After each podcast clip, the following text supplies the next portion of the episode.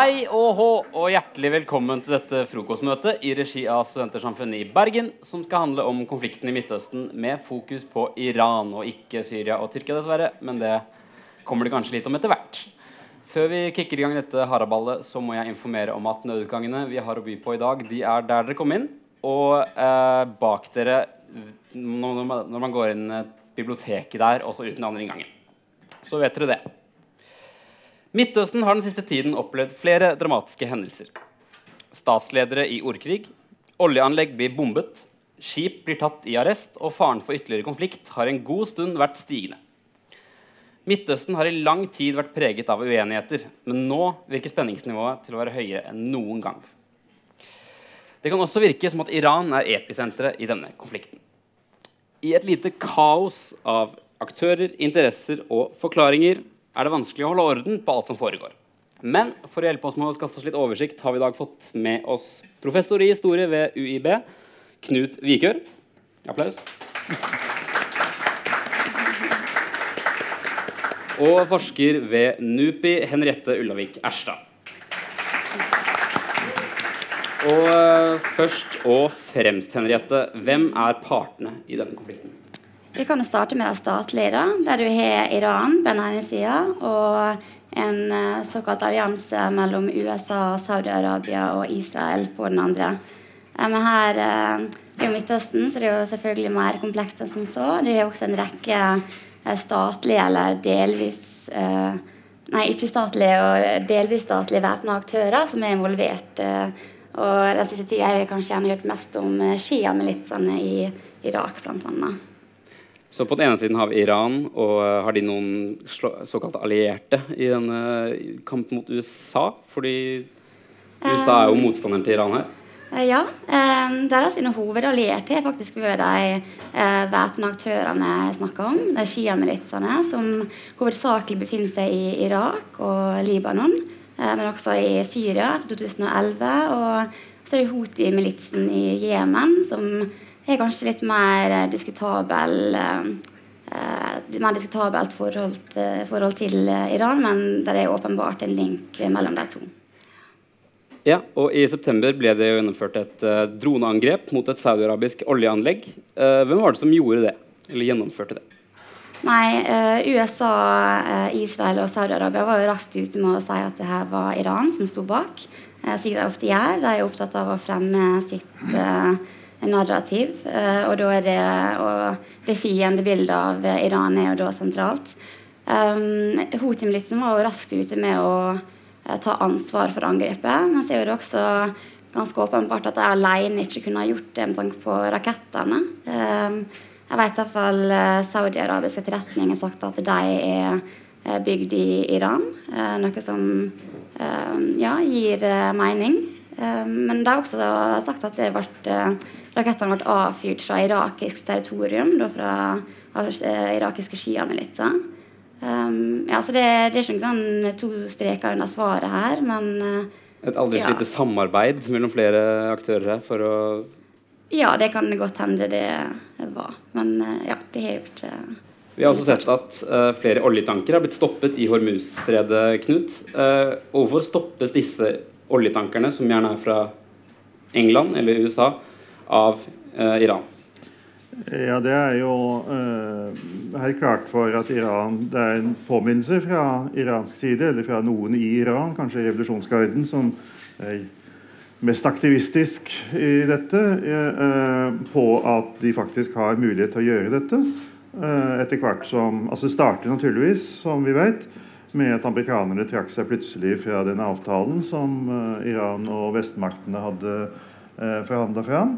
Uh, og uh, Iran ville jo Eller de som sto bak dette, uh, ville påpeke at dette er ikke sånn enveisbillett. Altså hvis dere gjør noe og innfører straffetiltak og disse boikott mot Iran, som jo rammer Iran hardt, disse sanksjonene, så har vi muligheten til å ramme dere.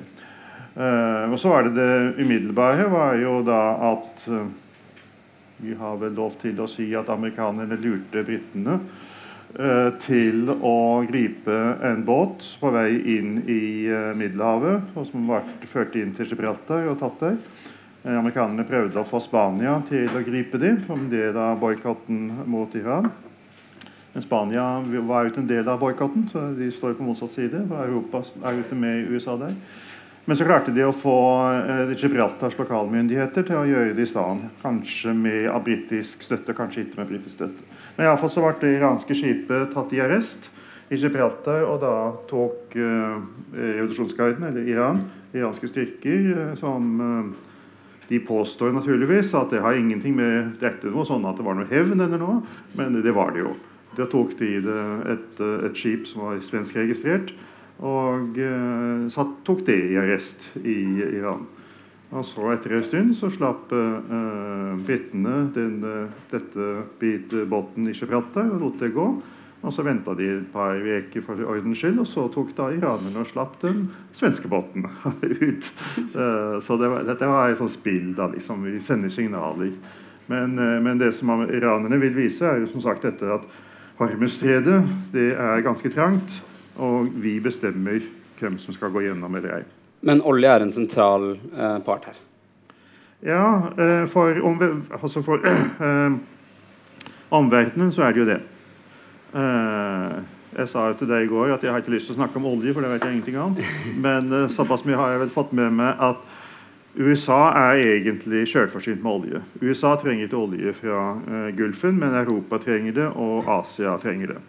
Eh, så verdensøkonomien er avhengig av at det går oljeeksport der. Fordi naturligvis ikke bare på Irans side, men også Irak, Saudi-Arabisk, Qatar og alt dette. Alt er jo inne i Gulfen. Og hvis det blir full krig der, så og eh, Iran vil gjøre det, så kan de stanse all den uh, oljeeksporten. Altså de kan rett og slett uh, throw a spanner in. De kan uh, stanse verdensøkonomien langt på vei ved å, å stenge, eh, stenge, Den persiske gulf fra, eh, fra, å eksportere olje. Og Det er det jo ingen som vil. og Dette er kanskje det, altså, dette spørsmålet som du ikke har stilt, men som folk gjerne stiller. Blir det storkrig mellom Saudi-Arabia og Iran? Det er kanskje det verdenssamfunnets viktigste motiv for å hindre slik storkrig, er jo nettopp det. Ja. Men Du nevnte litt eh, atomavtalen. Og uh, Mange peker på at atomavtalen, eller det faktum at USA trakk seg ut i 2016, er kilden til denne nylige eskaleringen. Uh, Henriette, uh, hvor, hva var atomavtalen i utgangspunktet?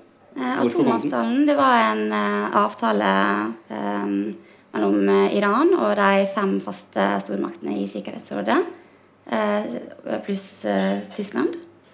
Um, og den, Målet med den det var at uh, Iran uh, skulle, ikke skulle ha mulighet til å utvikle atomvåpen. Um, det jo vært en stor bekymring. og Iran har jo insistert hele veien at det atomprogrammet har vært til sivil bruk og ikke hatt militære uh, ambisjoner. men det er jo det veldig få i det internasjonale samfunnet som har, har trodd på. så det, atomavtalen representerte jo et skifte i den forstand at Eh, man håpet at Iran skulle få en mer konstruktiv rolle i det internasjonale samfunnet.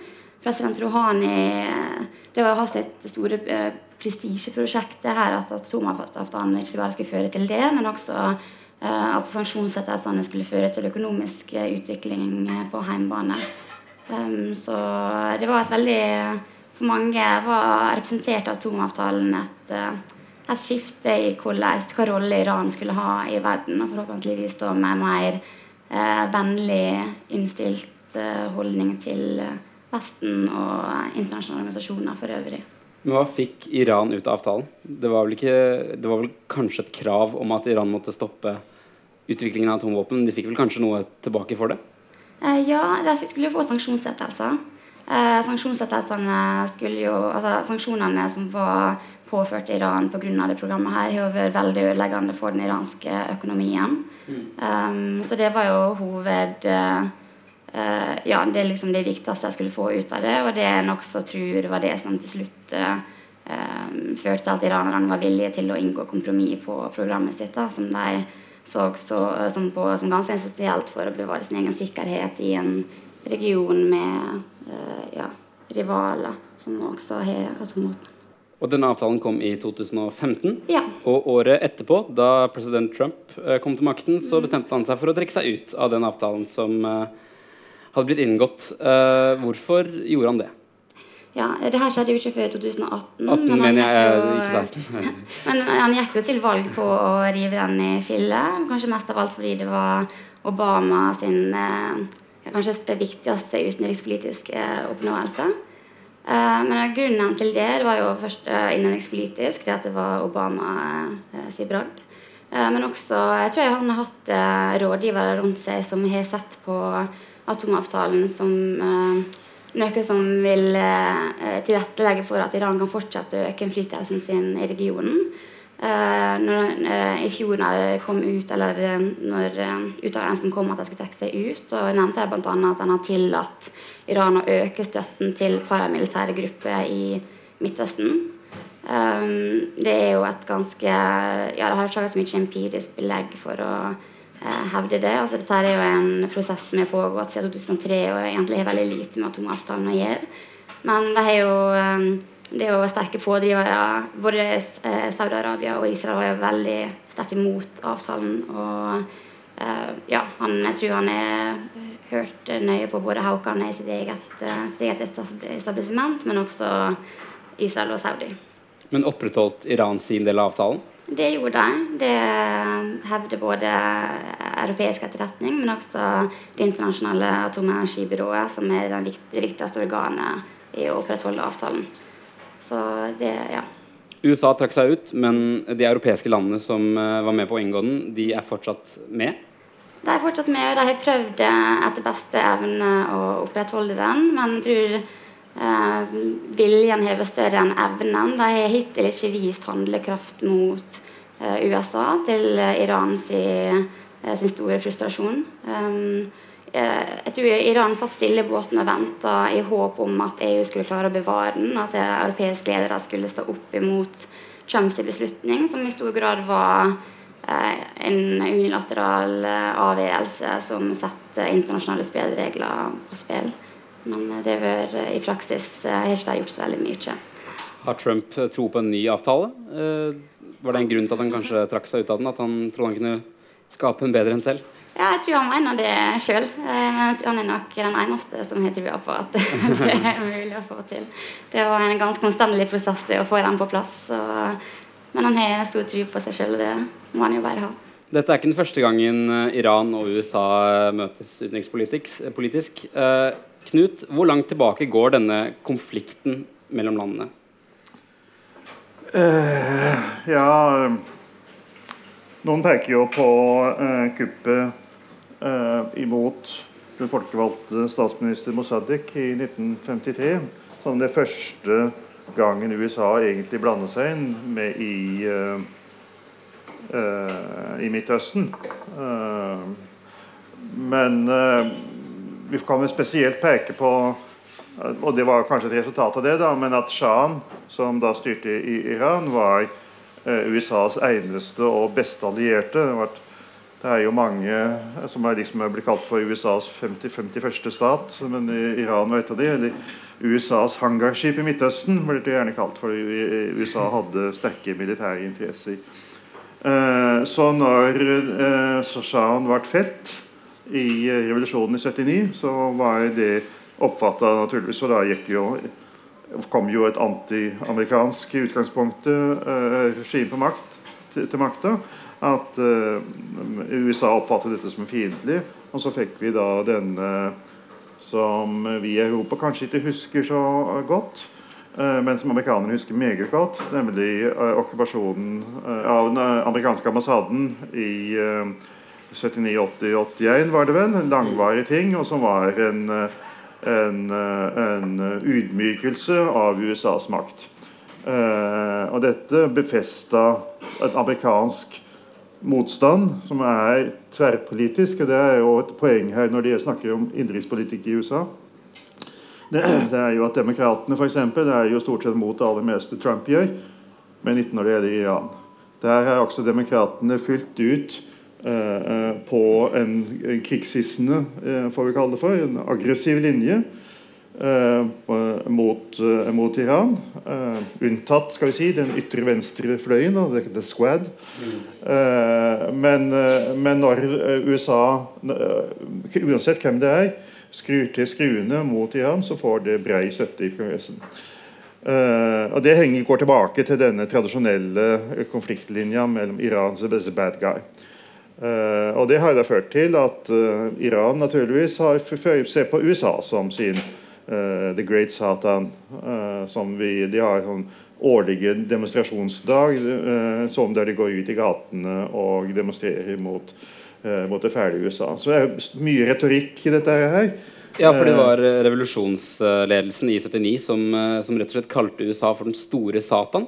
Ja, ja. Men de har flere sataner? Ja, de er det slik å forstå? De, de, de, har en hel hierarki da, med lille satan osv. Ja, hvem er lille satan? det er vel Israel som er lille satan. Og det, ideen, altså det, det sier jo at de, de, mener at det er USA som driver det, alt det negative her i verden. Israel er mektig bare fordi at USA står bak. Uh, så, men som sagt, dette er jo retorikk. altså Iran har ikke vært noe interessert i å føre kriger mot uh, USA. eller noe sånt nå. Det var jo USA påstår liksom alltid at det har vært et samband mellom Qaida og terrorisme og Iran. Uh, men, men, det har de jo ikke. At Qaida er jo antishiiske. så så dette er mye på, på det retoriske planet. Men de støtter jo Altså i, Irak, som er ditt land, eh, så har jo f.eks. Irak, har jo Iran og USA objektivt sett vært allierte. Fordi begge to støtter den, eh, den regjeringa som står der nå. Så, eh, så det, går, det, blir mer snakk enn det har Fram til nå mm. har det vært mer snakk enn det har vært realitet i dette. Ja, uh, Henriette, Du fortalte på middagen i går at du har jobbet på ambassaden i Teheran. Mm. Uh, praktikantstilling et halvt år. Uh, noe du for øvrig kan anbefale til dere sampolere der ute som uh, skal ta et halvår ute. Uh, men hvordan opplevde du For du var der i 2015? Var det? 2016. 2016 mm. så var, hvordan opplevde du denne eskaleringen i Iran blant vanlige iranske folk? ja, i 2016 det var egentlig en tid med optimisme i Iran. For det var den 16. januar tror jeg det, var, det ble sanksjonene heva. Og iranerne flest så på den eh, Eller ja, ja, en stor majoritet vil jeg si, så på atomavtalen som en mulighet til at Iran skulle få en mer konstruktiv rolle i det internasjonale samfunnet. Men kanskje viktigst av alt få eh, økonomien på beina igjen. Eh, så det her var, når jeg gikk rundt i gatene, så var ungdommen var ute og feira. Og det var en sånn ja, en fredelig og optimistisk stemning, rett og slett. Men så skjedde jo Eh, men midt oppi det her var jo også en eskalasjon med Saudi-Arabia, der Riyad henretta en ganske eh, anerkjent shia-geistlig, Nimr al-Nimr. Um, noe som Iran så på som et uh, stikk mot dem. Uh, og da var jo det uh, De konservative kreftene i Iran organiserte da en storming av den saudiarabiske ambassaden i Teheran. Så da så vi jo at, eh, at den Iran-Saudi-konflikten ble eh, tydeligere framtredende samtidig som eh, ja, atomavtalen ble gradvis implementert. Men det var jo selvfølgelig ikke tilfeldig. Her var jo jeg tror både særlig Saudi-Arabia så på atomavtalen som at der allierte USA sikta dem litt, for de var vant til eller var vant til at de var enige om at Iran var en uting i Midtøsten, og det at de skulle på en måte eh, ja, normaliseres, var ikke i deres interesse. da. Um, Så de ville foretrekke at uh, USA fortsatte å føre en hard linje mot, uh, mot Iran? Ja, de ser på det som tjenlig at du har de sammenfallende interesser om å begrense Iran sin innflytelse i, i regionen. Og det er jo er viktig for både Israel og Saudi-Arabia. Men det blir jo sentralt å se på, på regimet til Iran her. For det er jo ikke et tradisjonelt uh, demokrati, det. Hvordan uh, vil du beskrive det regimet der? Eh, det er et eh, regime som er helt vanskelig å Det er veldig komplekst og sammensatt og består av veldig mange ulike faksjoner som er i konkurranse med hverandre. Dersom en skal, Når det er valg i Iran, da, kan en egentlig han kan grovt sett dele de politiske partiene, partiene politikerne inn i tre sånn, hovedsegment. Der du har de mest konservative, som, er, som følger Ayatollah Khamenei på den ene sida. Og så er det de sentrumsorienterte, som er verken eller, eh, og mer pragmatiske. Og så er det et reformistiske eller mer mot moderate kreftene som ønsker liberalisering og uh, ja, endring i Iran. Og uh, Rouhani, den sittende presidenten, har sitt kabinett, er jo en del av den reformistiske campen, da, selv om mange vil kalle han moderat eller en reformistisk, slik vestlige medier ofte framstiller han som. Um, men ja, det er at uh, vi har en tendens til å framstille uh, regimet som et uh, ja, en enhetlig aktør, noe det absolutt ikke er. For det er veldig store, ja, store forskjeller faksjonene imellom. Fragmentert? Det er veldig fragmentert. Det var et godt ord. Um, vi har vært litt inne på det. Um, det, var vært, det, var optimisme i 2016 da du var der, var der men uh, det har også vært protester nå nylig. Uh, Knut, uh, kan du si litt om, om, de økonomiske protestene som var i vinter? Ja, det var jo spennende og litt uberegnelige. det starta altså som spontane protester i flere byer mot Eh, et bestemt eh, lovforslag som Rouhani hadde lagt fram. Som jeg nå ikke husker hva det var. Var det skatte, skattesak? Var det, var det subsidier? Ja, antikorrupsjons... Anti, ja. Men uansett eh, Mange trodde dette at siden det var retta mot regimet til den presidenten Rouhani, som da blir betraktet som moderat eller sentrist eller på den ikke-konservative sida, at det var nettopp da de konservative som hadde satt i gang eh, disse eh, protestene for å prøve å svekke Rouhani, som da naturligvis også var svekka av eh, at eh, hans store prosjekt eh, å få bort sanksjonene og bedre forholdene til Vesten eh, at det holdt på å da bryte sammen med ut ifra det amerikanske skiftet. Men disse demonstrasjonene begynte da ganske raskt. å eh, også reise protester mot Khamenei, eh, altså den lederen for det konservative, og eh, går enda videre med å si at KF er det Iran har å gjøre i Syria. Hvorfor skal vi drive og bruke penger her og der og bort? Altså Ting som det egentlig er helt tabu å snakke om i det politiske systemet uh, i uh, Iran.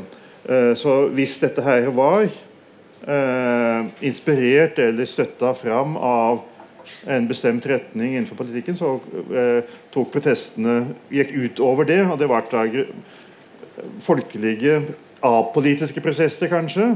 Altså et uh, populistisk, vil du kanskje si, betydningen altså at det ikke var knytta til noen bestemte uh, uh, krav. Og rett og slett var Vi er lei av de økonomiske forholdene. Vi er lei av at arbeidsløshet, at vi går tilbake med vi mister de tingene vi har hatt, osv. Bort med alt, altså vekk med alt. Og Det er jo en type protest. altså litt som de gule vester i Frankrike, og kanskje også det vi har sett i de senere tid i Irak her nå, over grensa. Apolitiske, sosiale protester. og Det er det der. Og det var jo forferdelig farlig for alle i regimet i, uh, på alle sider i de, de styrende krefter i Iran. Mm. Vil du si at uh, disse eksterne konfliktene som har, som har, skjedd i senere tid, har styrket de konservative og de interne stridighetene også? Ja, altså Det er jo helt opplagt Når det gjelder Rouhani, som ble president for fem år siden, når det var det? Mm. Uh, Iallfall da inne i sin andre periode nå. Uh, så ble han ofte kategorisert som ikke nødvendigvis som en liberaler eller som en, en, en, en eh, på den sida, men mer som en midtfigur. Fordi ikke minst at han hadde en god personlig forbindelse til den religiøse politiske lederen eh, Khamenei. Khamenei aksepterte at han kunne bli president. Eh, og det var fordi at Khamenei, altså som vi sa også at vi, når du sier at vi har et visst inntrykk av Iran i media osv. som et radikalt og ideologisk og religiøst og alt mulig sånn. Og det fører jo gjerne en sånn, som du sier, store Satan og pff, vifter med, med fanene. Men de er egentlig pragmatikere, stort sett alle. Eh, også Hamini. Absolutt han politisk pragmatiker. Eh, og det han så, at det, det, det, som var viktig, det var å Hvis det var mulighet til å få bort sanksjonene, som det da var en åpning for under Obama, og, eh, og, bedre de økonomiske forholdene, så var det en god ting. Og han derfor lot Rouhani og eh, hans utenriksminister Jawad Zarif, som har vært viktig der, få komme til makta for å oppfylle dette. Og så tok da Trump og rev grunnen under dette ved å sa at uh, dette her vil dette være med på. Og Det er klart at det svekka uh, Rouhani. Og det svekka uh, det prosjektet eh, til de moderate og styrka de som hele hadde vært imot dette revolusjonsgarden, som er det som den radikale, viktigste radikale kreftkrafta i Iran. Og de som hadde sagt at vi kan ikke stole på den store staten. Vi kan ikke stole på, på dette. De vil alltid være imot oss. Eh, dette er, dette er skiden. Og det viste seg jo at det var det det var. At, slik at På den måten så har det styrka de, de konservative. Eh, og så vil denne motsetningen som vi snakker om nå, da, med, disse konfliktene, opptrapping av konfliktene i, i Gulfen, eh, og at Europa, som jo sto på Irans side Det kan vi snakke om når det gjelder disse sanksjonene som USA innførte, eller som Trump innførte da han trakk seg fra avtalen. Det var egentlig ikke når vi tenker, det var egentlig ikke sanksjoner mot Iran. Fordi Iran, USA hadde sanksjoner mot Iran. Iran, USA løfta aldri sine sanksjoner pga. Kongressens motvilje. Det var FN og verdenssamfunnet som løfta sine sanksjoner ut fra atomavtalen. Og Det Trump gjorde, det var jo å rette sanksjonstiltak mot europeerne. Altså mot europeiske selskap som eh, ville uh, gjøre handel med Iran. Det er de som ble straffa av sanksjoner. De som ble nekta å, å fortsette aktivitet i Iran osv. Slik at det eh, Trump gjorde, var jo egentlig å prøve å tvinge Europa, og verdenssamfunnet, Europa viktigst av de, til å skifte side, til å føye seg fra amerikansk utenrikspolitikk, som europeerne var uenig i. Uh, så, men det ser det ut som det har virka. For uh, de europeiske forsøkene på å komme, komme utenom og prøve å hjelpe Iran med de økonomiske tingene og si at vi er jo egentlig ikke imot. Vi er jo for at den avtalen skal holde. Vi vil ikke ha disse sanksjonene, men de, de gir seg fordi at amerikansk økonomisk makt er for stor. Og det, og det styrker jo nettopp argumentet til de konservative i Iran. De sier, her ser vi jo at Europeerne de heller de er falske venner. De hjelper oss ikke. Uh, så vi er jo aleine. Det er jo det som er nasjonalistisk. Liksom, vi, vi, det er oss mot verden. Um, um, Nå er jo ikke USA den eneste fienden til Iran. som vi har vært litt inne på. FN-sambandet beskriver jo Saudi-Arabia som erkefienden til Iran. Um, Henriette, hva vil du si ligger bak denne fiendtligheten mellom Iran og Saudi-Arabia? Er det en sunni-shia-motsetning uh, der? Det er en sunni-shia-motsetning, men som kanskje uh, er mer et middel mot et mål enn mål i seg sjøl. Det, okay, for oss, uh, det rivaleriet der kan en si kan spore langt tilbake i tid, men nå kan vi starte for enkelhetens skyld i 1979. Uh, da, med den iranske revolusjonen. Um, det som skjedde da, det var jo at uh, sjahen, uh, en monark, ble velta av folkelige demonstrasjoner. Da til uh, monarkiet i Gulfen sin store strekk, skrekk. Og de så på det, det historisk vært en, en maktkamp mellom Saudi-Arabia og Persia. Og jeg tror den um, det, De ser uh, fortsatt liksom, det regionale konfliktbildet gjennom den linsa. Der de ser på Iran som en persisk stormakt som ønsker å øke sin innflytelse på bekostning av Saudi-Arabia. Uh, og så er det også og det er sunni, shia har jo uh, altså, Saudi er jo sunni, og Iran er shia. og De begge bruker jo det for å mobilisere støtte rundt seg. Eh, og det sekteriske har jo eh, f.eks. kommet til uttrykk eh, gjennom at de støtter ulike grupperinger i Midtøsten. Der det da gir mening for Saudi-Arabia å støtte sunnigrupper som er fiendtlig innstilt mot Iran, og, og omvendt. Så det sekteriske er på en måte mer et politisk virkemiddel enn et mål i seg sjøl, hvis det gir mening. De bruker religion som en um, motivasjon til å, til å, på en måte Et forsøk på å bli stormakt da, i, i Midtøsten? Ja, det er et middel for å oppnå det. Og det handler jo i bunn og grunn eh, ikke nødvendigvis om å være stormakt i seg sjøl, det er nødvendigvis ikke målet, men det, de ser på det som den eneste måten å sikre egen, egen interesse på. For Iran for eksempel, så er jo det å øke sin innflytelse handler jo i bunn og grunn om regimet sin sikkerhet. Eh, og at de eh, anser seg selv som omringa av eh, stater med en fiendtlig innstilling overfor det revolusjonære regimet. Og så har vi også borgerkrigen i Jemen. Saudi-Arabia de kriger mot Houthiene, en gruppe i Jemen. Er det definitivt at Iran har en forbindelse med Houthiene her? Det er åpenbart at de har en forbindelse, men hva, i hvor stor grad eller hvor omfattende den forbindelsen er, det vet vi det er litt kontroversielt. Men jeg vet at Houthiene mottar materiell støtte fra, eh, fra, Iran. Mens er der, i, i, motsetning til de irakiske sjiamilitsene, så er det eh, er religiøse, så de er slike religiøst likesinnede. Eh, men her vet jeg at Knut vet eh, veldig mye om, så jeg tror jeg skal gi ordet ja, det, til eksperten i rommet. Nei, altså eh, Dette har jeg sagt så mange ganger. Men uh, blir media presentert som at uh, opprøret Altså det er jo et opprør i Jemen. ikke sant? Det er en milits som har uh, tatt kontroll over det meste av landet og kasta en regjering som kom fram gjennom en, en nasjonal dialog i, etter den arabiske våren. En nasjonal dialog som da denne houthiene, som er en gruppe i nord i Jemen, en stammebasert gruppe, eh, trakk seg fra den dialogen, for de mente at de fikk ikke de tingene de, de ville i det, dette nye statssystemet. Så det blir presentert som at dette er et Shia-opprør.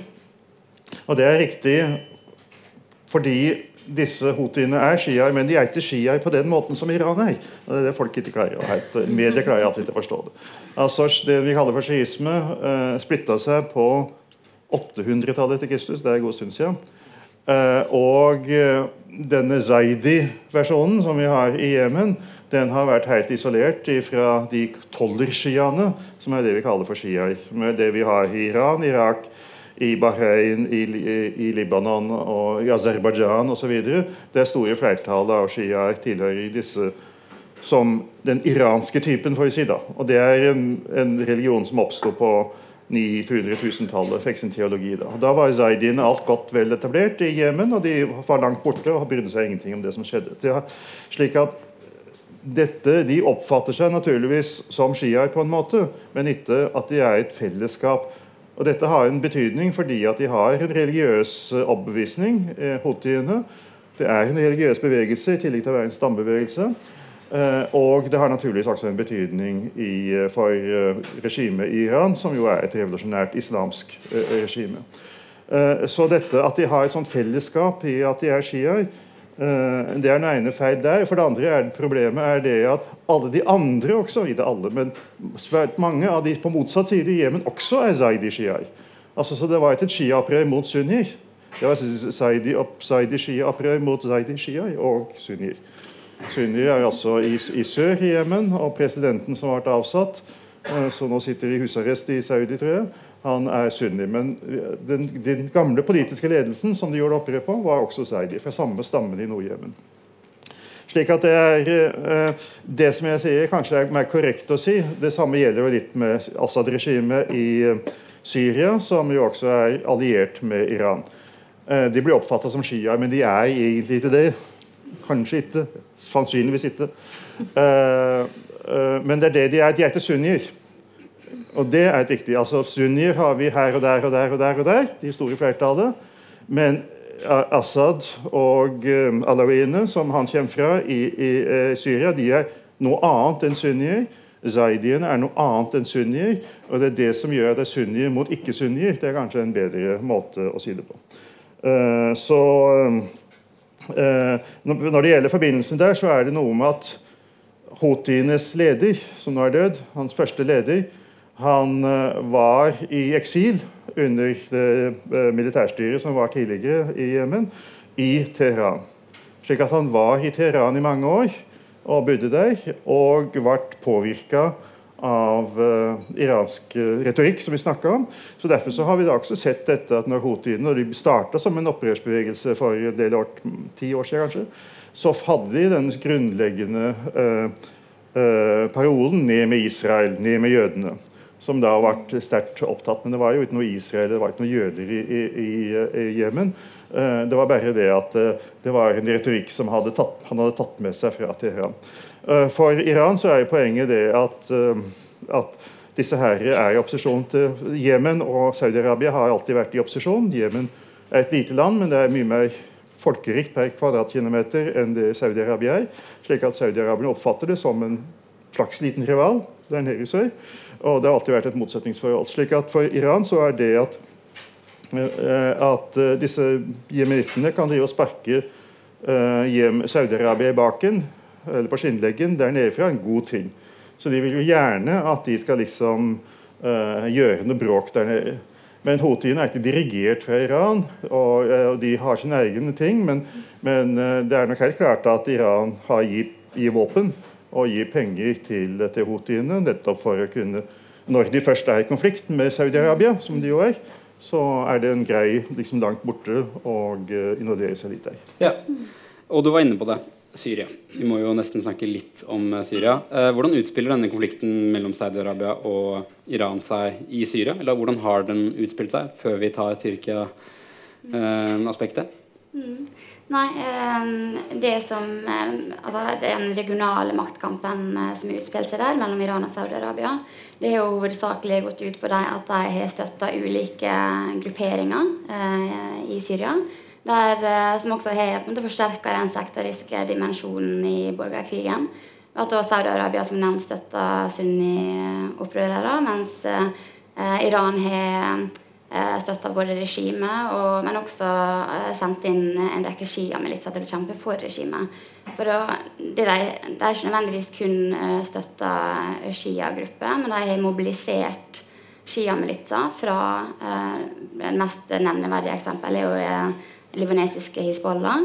Eh, men også pakistanske og afghanske sjiakrigere har kommet reisende med, med Irans tilrettelegging. Eh, men også de irakiske sjiamilitsene, som eh, For det her, det her, er litt komplisert. Men på 1980-tallet så flykta en, den irakiske sjiaopposisjonen som ønska å erstatte Saddam Hussein sitt bateregime med Eh, en islamsk republikk eh, til Iran. Eh, det at jeg ville at det skulle bli en islamsk republikk, skjedde vel mens jeg var i Iran. Men da jeg returnerte i 2003, når Saddam Hussein sitt regime ble velta. Henger du med? Ja. og de, i det maktvakuumet som oppstod under okkupasjonen etter invasjonen, der fikk de sjiamilitsene et ganske sterkt fotfeste. Med ganske stor støtte fra Iran, både våpen og penger, men også religiøs og ideologisk veiledning og, og støtte. Uh, men det her sånn da når uh, borgerkrigen kom, så uh, for de til Syria. Mobiliserte enda flere sjiamilitser med Irans hjelp og Hizbollah. Og det som har skjedd da, er at Assad er blitt så avhengig av disse sjiamilitsene i kampen mot uh, opposisjonen og eh, jihadister at Iran har fått ganske stor innflytelse over Assad. Ifølge Det er jo litt sånn omstridt, men amerikansk etterretning mener jo at nærmest 80% av det syriske sikkerhetsapparatet nå er infiltrert, eller ikke infiltrert, men består av iransk støtta sjiamilitser fra rundt om i regionen, som da gir eh, Iran vesentlig innflytelse over eh, det som skjer. Og det er ganske, altså det er liksom, Iran har jo totalt utmanøvrert eh, Saudi, vil jeg si, i, i Syria. Men eh, ja, det har på en måte vært det har vært en slags stedfortrederkrig. Maktkampen er ja, via disse her aktørene. da. Mm. Og vi må jo trekke fram hvordan Iran forholder seg til denne nylige tyrkiske invasjonen, eller den som foregår nå, av, uh, i Nord-Syria. Uh, hvordan forholder Iran seg til dette? Um, hittil har de kommet med uttalelser om at de uh, at ikke fordømmer, men at de er sterkt kritiske til uh, Tyrkia sin offensiv. Um, men nøyaktig hva rolle de har, hva slags uh, bakromsdiplomati, eller hva Ja, de har jo såpass stor innflytelse at det er ikke utenkelig at de har vært involvert enten fra syrisk side, eller at de snakka med Tyrkia på forhånd. Altså det, det ja, vi vet ikke helt hva Iran sitt standpunkt eller uh, rolle i det her er ennå. Men uh, det vi har sett, er at Teheran har gitt ut en del pressemeldinger om at de er kritiske til det. da. Men de er jo ofte mer fordømmende i språket når det gjelder uh, USA sine handlinger i Syria, blant annet. Så jeg vet ikke helt hvordan jeg skal lese det. Jeg er veldig spent på å se hva de uh, ja, gir videre. Men kanskje Knut uh, sitter på mer info om akkurat det enn meg. Og helt på tampen her så er jeg litt interessert i å vite hva dere tror kommer til å skje videre mellom Iran, USA, Saudi-Arabia, borgerkrigen i Jemen. Har dere noen ikke spådommer, trenger ikke å stå bak det, men hva, hva, ligger det an til at skjer? Det ligger ikke an til en, en, en fullverdig krig, men uh, hva tror dere? Du kan begynne du, Knut. Um, jeg vet ikke hva jeg mener nå. Jeg vet ikke hva jeg kommer til å mene om en time. og hva jeg vet ikke hva jeg mener i morgen. For ting som skjer i Syria nå, i nordlige Syria, har muligheten til å snu opp ned på alt. Uh, det som har skjedd, og jeg tenkte jeg ser noen studenter ja det er jo alle studenter, leseoppgave, leseoppgave til studenter Eh, I Bergens Tidende i dag så står det en artikkel eh, av, fra Politikken om Syria. Se motsetninger mellom det som står i artikkelen og det som Bergens Tidende skriver i faktaboksen ved siden av. For der står det to helt motsatte ting. Eh, som tyder på at den artikkelen fra Politikken er skrevet noen timer tidligere i går enn eh, den faktaboksen som kom fra NTB. Det går så fort i svingene at de ikke klarer å samkjøre Og Det som da har skjedd, for eh, som jeg vet jeg er helt sikker på om de eh, statlige norske mediene har fått med det seg heller, det er altså at i, eh, etter at eh, Tyrkia da gikk inn for et par dager siden og sendte soldater over grensa og har tatt et par mindre byer, så har kurderne eh, eh, kommet, tatt kontakt med regimet til Assad og kommet til en avtale om at eh, de skal la seg beskytte av de syriske regjeringsstyrkene. Og Det har de da tatt umiddelbart, eh, ser det ut til. Tatt, eh, eh, fått effekt. Syriske regjeringsstyrker skal nå være på vei mot nordover og har kommet inn i en del byer. Blant annet så skal de eh, ta over byen Manbij. Det er tyrkiske styrker som nå på utsida. Og iallfall det siste jeg så i går kveld, så var de ikke gått inn i byen ennå. Men det er altså en mulighet for at vi får en direkte konfrontasjon mellom de syriske styrkene og, eh, og de tyrkiske invasjonsstyrkene. Og Det er et problem for Tyrkia ideologisk, for de sier jo at de har gått inn i Tyrkia inn, gått inn i Syria for å bevare Syrias enhet. Gi Syria tilbake til syrerne mot disse kurd, ferdige kurderne. Eh, men hvis da kurderne har gir fra seg eh, eh, kontrollen over, over, sine områder, det tidligere Rojava, til syriske regjeringsstyrker, så um, gjelder jo ikke det argumentet lenger. For da blir det jo Syria mot Tyrkia. Eh, så Når jeg sier at jeg vet ikke hvor, eh, hvordan vi går, så er det at neste vi må følge med dette her. For det er, ikke, det er klart altså Den avtalen mellom kurderne og syrerne, eh, kalt for syrerne, altså regjeringsstyrkene, er, det er helt klart at den eksisterer. Den er gjort, det er klart at den har fått effekt. Men vi vet ikke om alle kurderne vil akseptere dette. For det betyr sannsynligvis, vi kjenner ikke detaljene her, men på en eller annen måte så gir de opp autonomien. De må gi opp autonomien, de må gi tilbake styringa av denne Rojava til, eh, til eh, Assad, til regjeringsstyrken.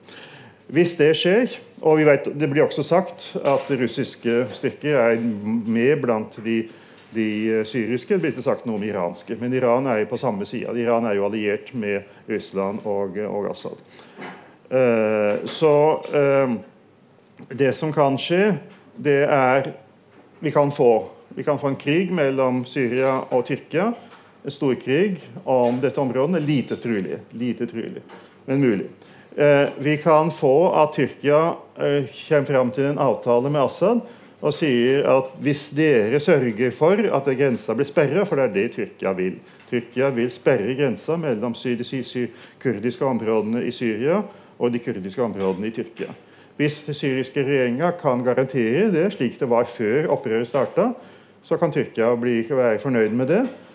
Uh, og da kan de gi opp dette med den sikkerhetskorridoren. Uh, og spesielt de kan gi opp dette her uhyre farlige forslaget om at de skal sende tre millioner eller en million eller hvor mye det er, arabere som skal skyve ut de kurderne som nå bor. Altså flyktninger, arabiske flyktninger fra, som nå er i Tyrkia, vil, uh, vil Erdogan bosette i de kurdiske områdene for å lage en befolkningsmessig buffer. Det er jo etnisk rensing, som amerikanske eh, opposisjonelle har sagt.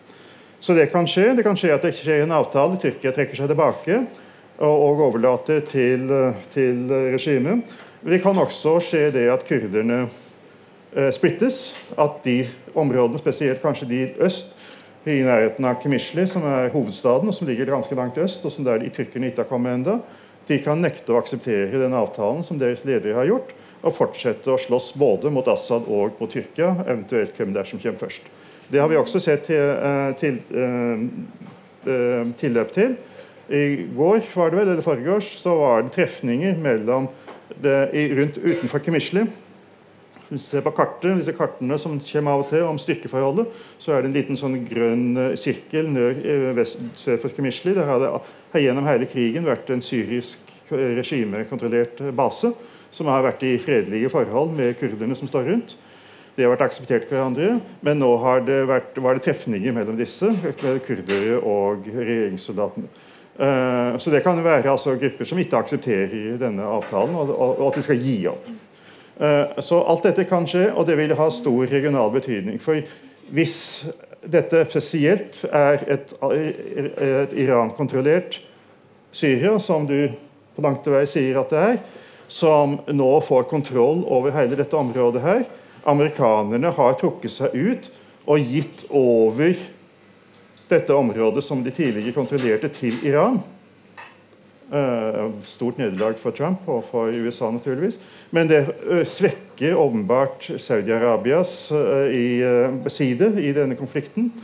Det kan gjøre Iran, ikke kan gjøre Israel enda mer nervøs. Israel er svært nervøse nå, men det er først og fremst mot forholdene i sør. At det er iranske soldater som nærmer seg, har base ikke så forferdelig langt ifra den israelske grensa mellom Syria og Israel som har ført til at Israel har begynt å bombe. Ikke bare har de begynt å bombe, for det har de gjort hele tida på syrisk side, men de har begynt å si høyt at de bomber. Bomber iranske trappekonsentrasjoner eller baser i Syria. Så Israel også, som vi snakka noe særlig om, trapper opp sin, uh, sin retorikk her. Uh, så det hele kan altså være altså det er åpenbart, en, Uansett hvordan det blir, så er det en propagandaseier for Russland. Igjen så er det Russland som tjener på det som skjer i Syria. Eh, og Det kan altså føre til at også den konflikten i Gulfen kan bli påvirka av dette. Det kan føre til at Saudi-Arabia finner det nødvendig å trekke seg tilbake. Eh, og kanskje at de, Det er snakk om at det kanskje kan være noen samtaler mellom Iran på, og Saudi-Arabia på lavt plan om å deeskalere konflikten der. Eh, Iallfall at de ikke er, har den eh, har den uh, uh, sentraliteten eller blir så viktig som den er nå. Men altså, er, det kan bli krig, og da vet en jo aldri hva som skjer. Nei, og helt på tampen her, Hvordan tror du Henriette, at forholdet mellom USA og Iran kommer til å utvikle seg? Kommer sanksjonene til å fortsette? Trappes opp? Trappes ned? Ny avtale? Um, det at Trump nylig kvitta seg med sikkerhetsrådgiver John Bolton, jo, kan jo signalisere at det kanskje Eh, går mot en litt vennligere eller mindre konfronterende linje iallfall overfor Iran. Um, men det er vanskelig å si.